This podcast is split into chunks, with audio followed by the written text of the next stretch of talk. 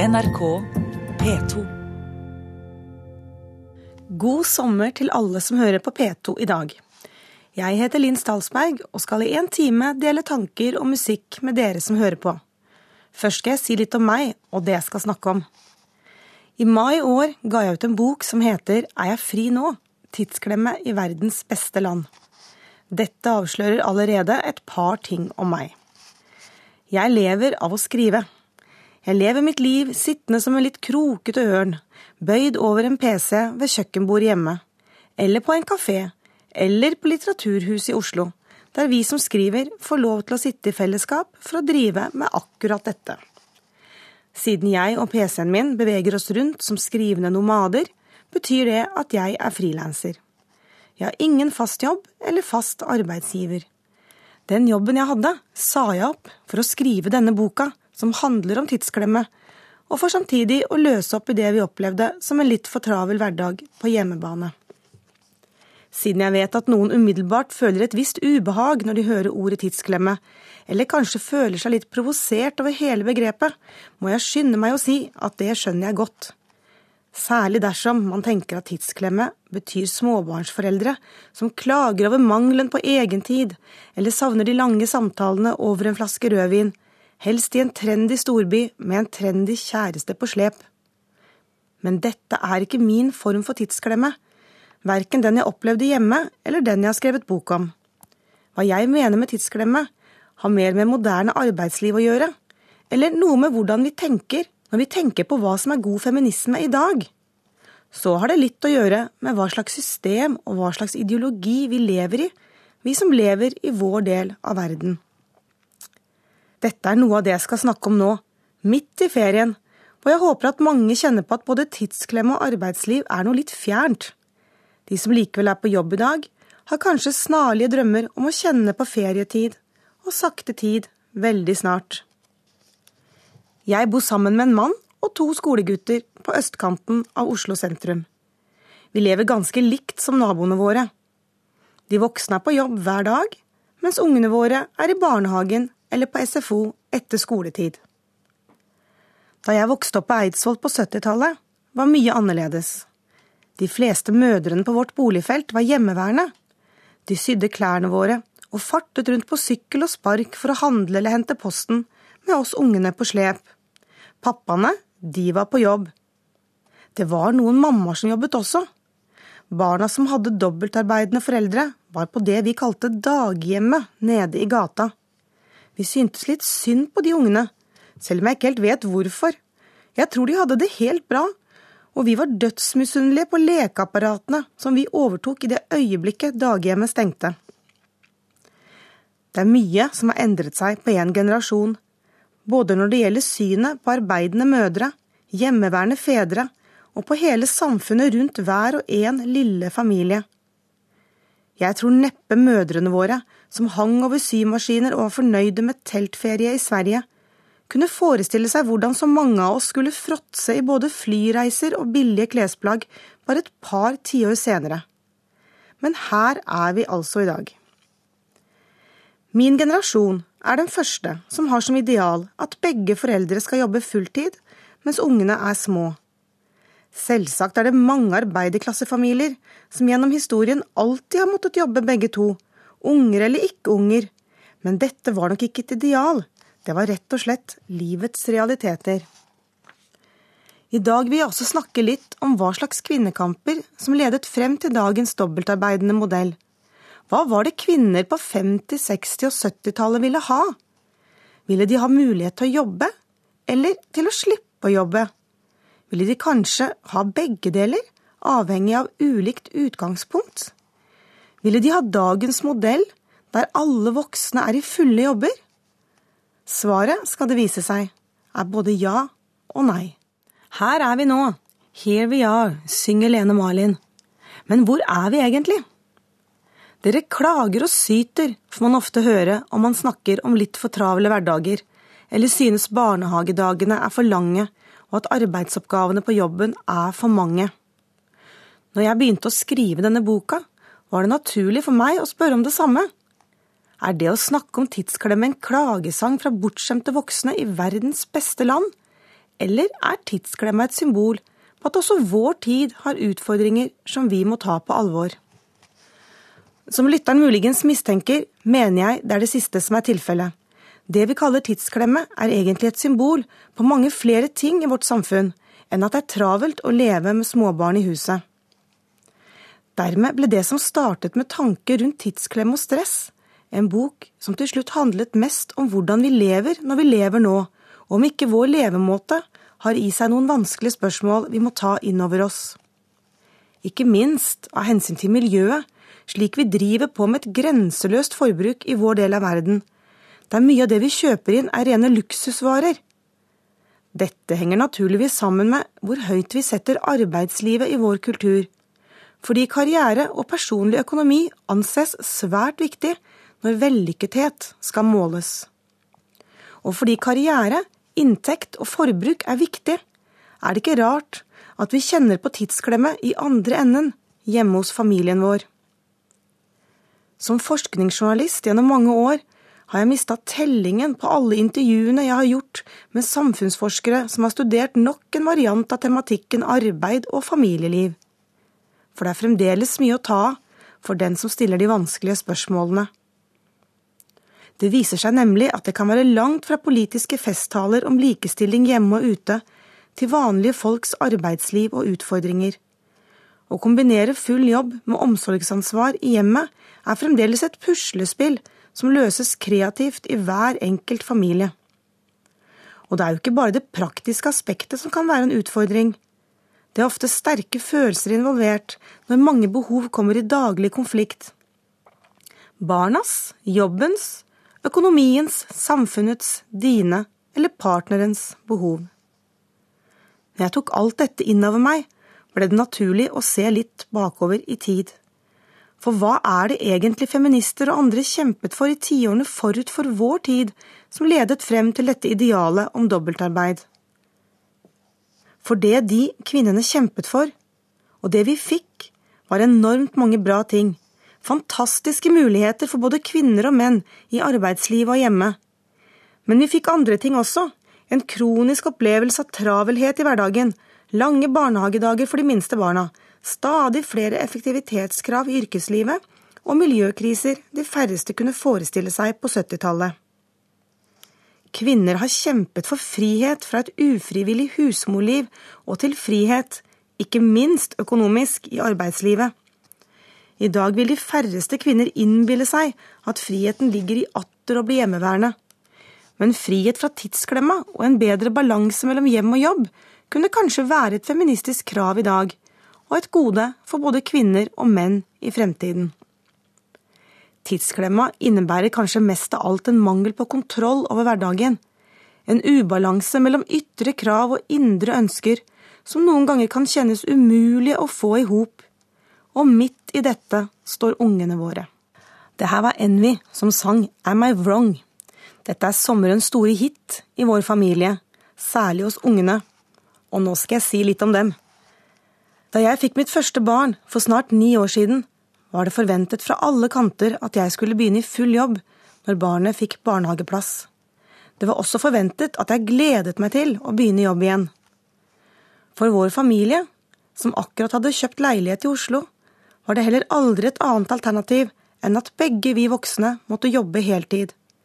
Som de fleste andre trengte vi to inntekter for å få hverdagen til å gå økonomisk rundt. Vi ville så gjerne få dette til. Vi tenkte at alle andre klarer det jo. Akkurat da skjedde flere ting samtidig. Vi begynte å tvile på om barnet vårt virkelig var klar for lange dager i barnehagen. Det virket ikke som han trivdes så godt selv om alle sa at barnehagen var bra for han. Jeg trivdes ikke så godt med å være på jobben hele dagen heller, vekk fra han, selv om alle sa at det var bra for meg. En stund tenkte jeg at det bare var meg som hadde det sånn, som følte på en slik skvis mellom jobben og hjemmet.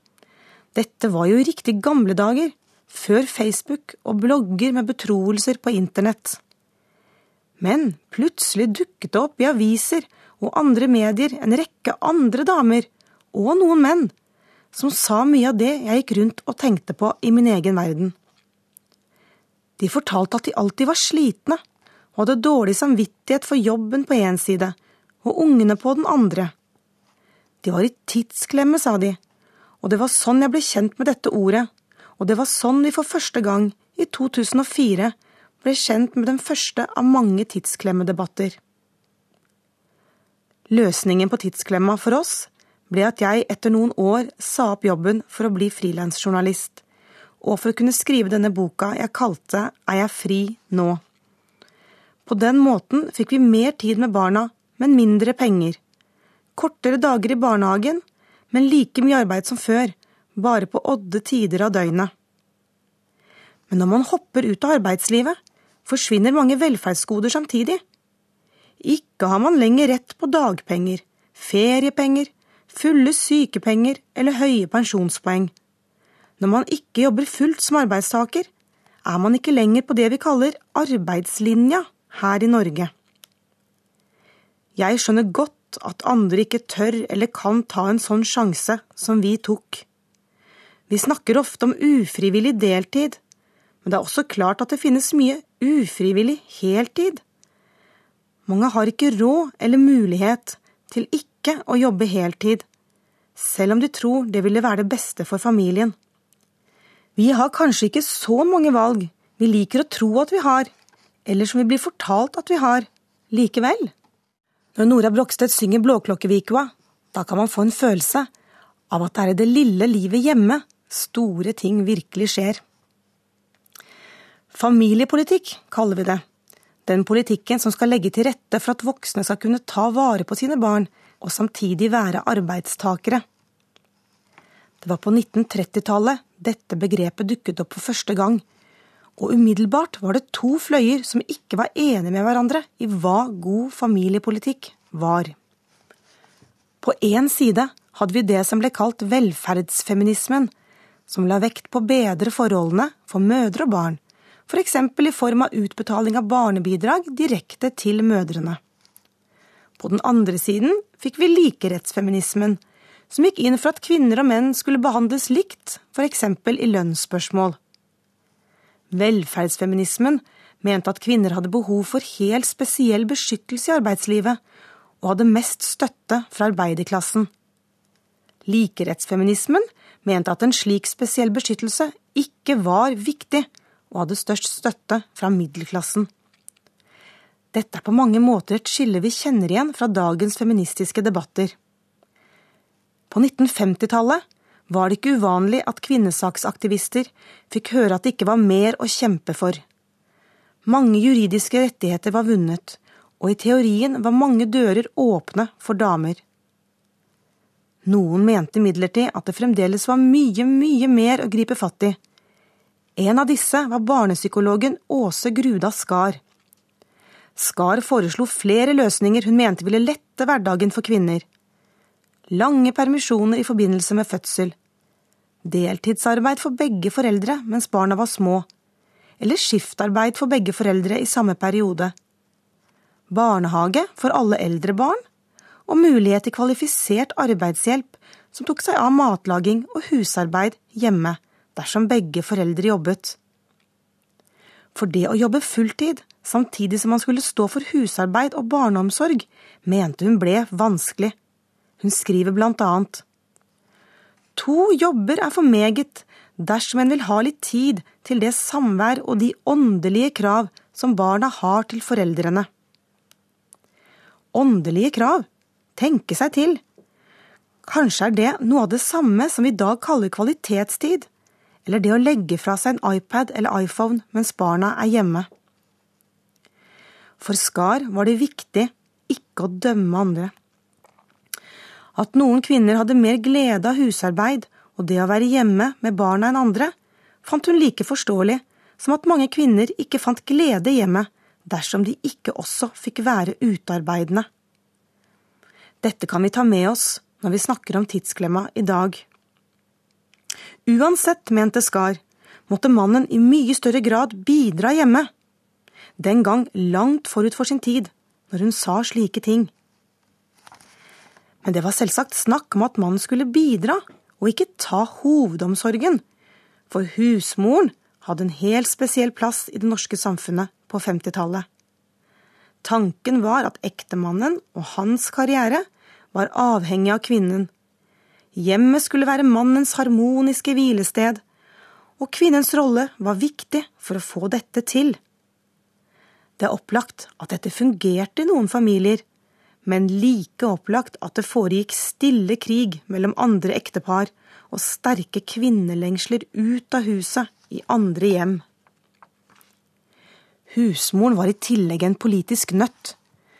Verken i fagbevegelsen eller i Arbeiderpartiet var det full enighet om henne. Det å ha et utarbeid er et viktig demokratisk prinsipp, mente mange. For hvordan kunne kvinner ellers delta i samfunnet om de ikke deltok i arbeidslivet? Andre mente kvinnen skulle frigjøres nettopp ved å slippe unna arbeidslivet. Innebygget i datidens familiepolitikk lå dermed en ambivalens. Politikken skulle bidra til at kvinner kunne delta i samfunnet, kanskje jobbe noe deltid, men den skulle samtidig komme fulltidshusmoren til gode. Den samme ambivalensen ser vi også i dagens debatter om arbeidsliv og hjemmeliv, eksempel i debatter om kontantstøtte eller i debatter om hvor lenge barn bør være i barnehagen. Vi vil at kvinner og menn skal jobbe fullt, men vi vil også støtte opp rundt dem som ikke ønsker det i perioder. Vi er heller ikke helt sikre på hva som egentlig er barnas beste. I 1963 skapte den amerikanske feministen Betty Frieden stor ståhei i vestlige land med boken som het Myten om kvinnen. Var kanskje husmoren et ulykkelig menneske som drømte om noe annet og noe mer enn å være husmor, spurte Frieden. I boka skriver hun Nå kan vi ikke lenger overhøre kvinnens indre stemme som sier Jeg trenger mer enn min mann og mine barn og mitt hjem. Dermed satte hun ord på en frustrasjon som mange hjemmeværende kvinner bar på, men ikke snakket høyt om, også her i Norge. I ettertid, og dersom man tenker seg at folk lever i ulike klasser, kan man kanskje innvende mot Frieden at dette var en kamp for middelklassekvinner. De damene som hadde råd til å være hjemme og ikke var nødt til å jobbe. De som ville ha det vi i dag kaller selvrealisering og egen økonomi. Kanskje var det nettopp Frieden som la grunnlag for en type feminisme som tok mest hensyn til de damene som ikke måtte, men ville jobbe. Middelklassens kamp for å komme seg ut i arbeidslivet var på mange måter en enklere kamp enn arbeiderkvinnens kamp for et annet og bedre arbeidsliv. Middelklassekvinnen krevde egentlig ingen store endringer i samfunnet. Hun ville ganske enkelt ut i det som allerede var der. Arbeiderklassekvinnen derimot hadde alltid vært der ute i arbeidslivet, og visste inderlig godt at det ikke bare var lett. Hennes frigjøringskamp handlet derfor om mange og større samfunnsendringer, både i arbeidsliv og i privatliv. Som kortere arbeidsdag, høyere lønn for kvinner, eller det å dele omsorgsarbeidet med ektemannen. This is it, det er sånn det er, synger Melba Moore. Da jeg begynte å jobbe med boka mi, visste jeg ikke helt hvor jeg skulle begynne å nøste i alle spørsmålene jeg hadde rundt tidsklemme og arbeidsliv, feminisme og kvinnekamp. For innimellom alt dette lå et annet, vagt spørsmål jeg måtte ha svar på.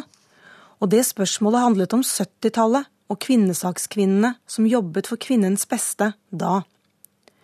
Var det dette samfunnet vi har i dag de kjempet for, lurte jeg på. Er kvinnefrigjøringen i mål nå? Og er jeg dermed helt fri? Jeg begynte hele arbeidet med boka i hælene på ansatte på Deichmanske bibliotek i Oslo. Litt på måfå fikk jeg hjelp til å finne debattbøker om kvinnesak fra 70-tallet, og feministiske tidsskrifter og magasiner fra samme epoke. Men der det skulle stått store verk fra vår egen samtid, som oppsummerte og analyserte disse viktige kvinnekampene, var det ganske tomt i bokhylla på biblioteket. Kvinnekampen på 1970-tallet er dårlig dokumentert. Ikke rart det oppstår mange rare myter om disse damene. Selv jeg, som faktisk har studert kvinnehistorie, kunne gått rett på limpinnen og trodd på mytene om at 70-tallsfeministene mest av alt var mannehatende, usminkede, sinte damer som aldri bakte en kake, og mest av alt ville knuse kjernefamilien i vill forakt for husmødre og kjøkkenbenker. Men nå, i arbeidet med denne boka, skulle jeg finne ut hva debattene den gang egentlig handlet om. Særlig debatter rundt arbeidsliv, barnehager, mors og fars rolle. Jeg hadde en mistanke om at jeg ikke trengte å finne opp alt kruttet på nytt. At det finnes en måte å tenke feminisme på i dag som har røtter tilbake til 1970-tallet.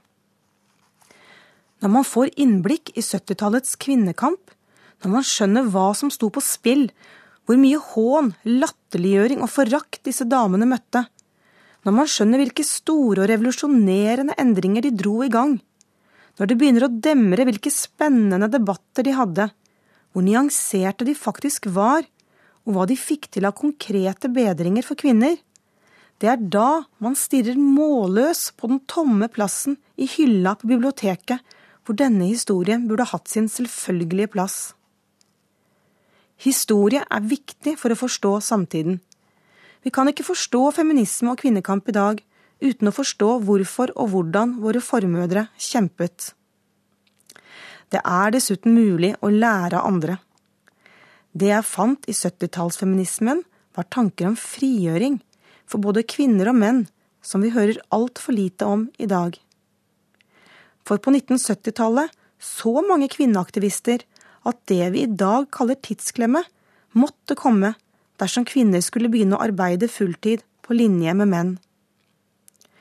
Derfor måtte samfunnet endre seg med kvinnenes inntog i arbeidslivet, mente mange. For eksempel ved å innføre kortere normalarbeidsdager eller deltidsarbeid for småbarnsforeldre.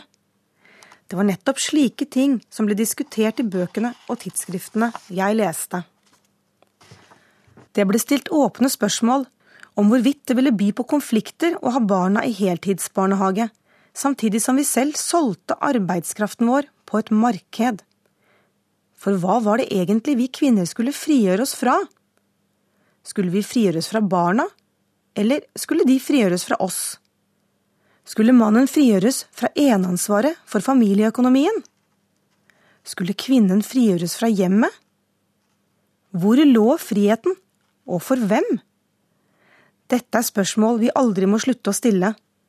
Hvem definerer hva som er frihet for meg i dag, og er jeg enig i det?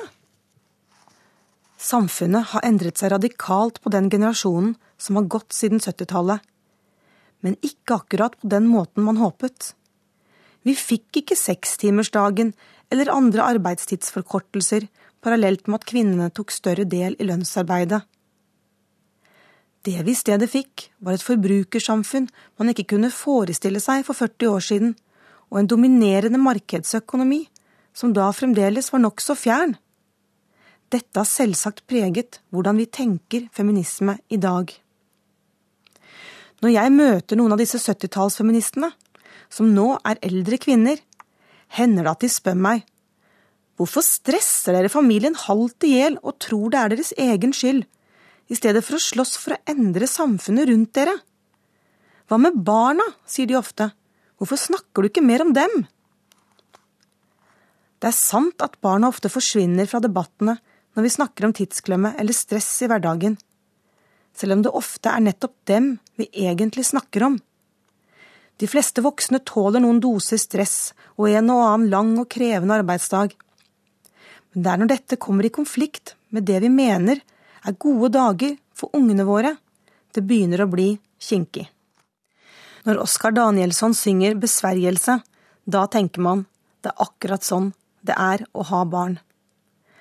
Du hører på Sommer i P2, og jeg heter Linn Stalsberg. Når jeg står opp om morgenen og vekker ungene for å følge dem til barnehage og skole, før vi voksne reiser videre til hver vår jobb, og mannen min henter i barnehagen på slutten av dagen, da er familielivet vårt på mange måter et resultat av kvinnekampen og politikken på 70-tallet. Retten til kvinners arbeid og egen økonomi, barnehage for alle barn og menn som bidrar på hjemmebane. Vi vet godt hva som regnes som en vellykket kvinne i dag, og dette idealet strekker vi oss etter. Vi skal helst ha mer karriere, enn jobb. Vi skal ha en mann som aktivt ønsker å være likestilt hjemme.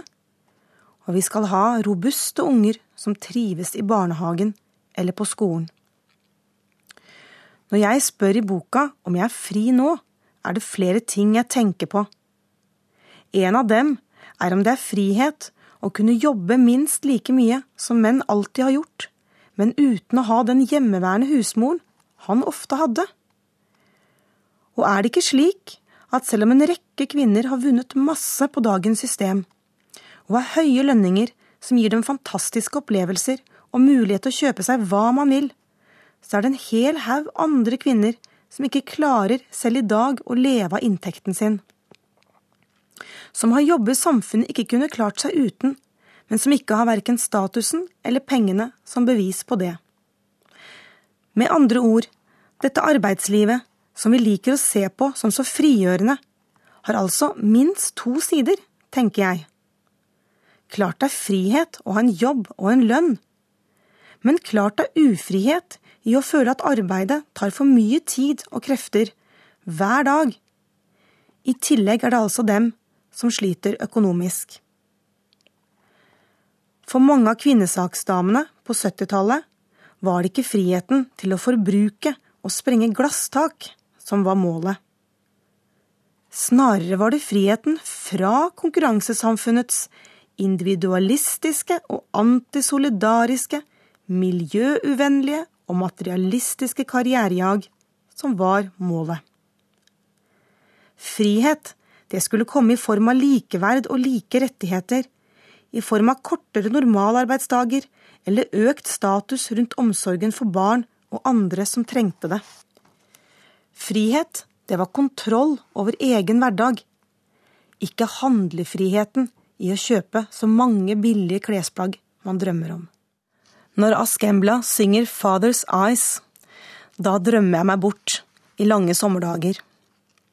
Og apropos drømmer, hva er det jeg egentlig drømmer om når jeg drømmer meg vekk fra hverdager jeg synes er for hektiske? Vekk fra en feminisme som kanskje er mer opptatt av en karriere i det samfunnet vi har, enn å endre samfunnet til noe som er bedre for både unger, jordklode, mann og kvinne. Vi diskuterer ikke så ofte begreper som lykke i norsk politikk. Men i den grad vi faktisk forsker på lykke, finner vi ofte ut det samme. Det er ikke penger, status eller karriere som gjør oss lykkeligere, men tid, samvær, familie og tilhørighet. På tross av dette er det nettopp penger, status og karriere vi som samfunn dyrker. Mens mer tid er noe av det vi drømmer om, jobber vi ikke visjonært for å skape et samfunn som gir oss denne tiden. Forskning viser altså at det er en motsetning mellom den materielle veksten i samfunnet og hvordan hver og en av oss føler oss tilfredse. Dette er et paradoks, og ut fra dette paradokset kunne vi skapt en spennende samfunnsdebatt, der det personlige virkelig ble politisk. Vi er kanskje rike på penger her oppe i oljelandet, men fattige på visjoner. Og hvorfor er vi det? For er det slik at det er noe vi har lov å drømme om, mens andre drømmer blir latterliggjorte? For kanskje er det sånn at vi ikke helt fritt velger hva vi drømmer om heller? I boken Storulvsyndromet fra 2008 kaller professor i antropologi Thomas Hylland Eriksen dette for en urovekkende kløe i vår kultur. En følelse av et sprik mellom det vi sier og det vi gjør. Mellom holdninger og praksis. Mellom politiske idealer og hvordan vi faktisk lever. Alt som virkelig betyr noe i livet, er det som gjøres langsomt, skriver Hylland Eriksen i boka. Men signalet vi får fra alle kanter, er imidlertid å skynde oss, bli mer effektive, produsere mer, konsumere mer, tjene mer penger for bedriften og oss selv. Og når vi så skal likestille kvinnen med mannen, er det ikke da nettopp slike idealer vi likestiller henne til? Er det i så fall frigjørende? Og er jeg virkelig fri nå, innenfor slike rammer, selv om jeg er likestilt på mange områder? Hva er det jeg drømmer om? Å ha det litt mindre hektisk i hverdagen. Slippe den dårlige samvittigheten jeg har hatt overfor ungene i perioder hvor det ble for hektisk hjemme. Å ha mer tid med mine nærmeste. Leve på en måte som tar mer hensyn til miljøet. Vite at vi drifter samfunnet i dag til menneskenes og jordas beste i fremtiden. For det siste er også en form for ufrihet og stress. Å vite at måten vi lever på, er ødeleggende for jorda vår. Jeg heter Linn Stalsberg og ønsker dere en god sommer med drømmer om at feminismen kan bli en kraft i dette større prosjektet jeg har snakket om. En kraft som har visjoner om at vi alle kan leve litt mer mens vi gjør det, selv her i verdens beste land. Hør flere podkaster på nrk.no podkast.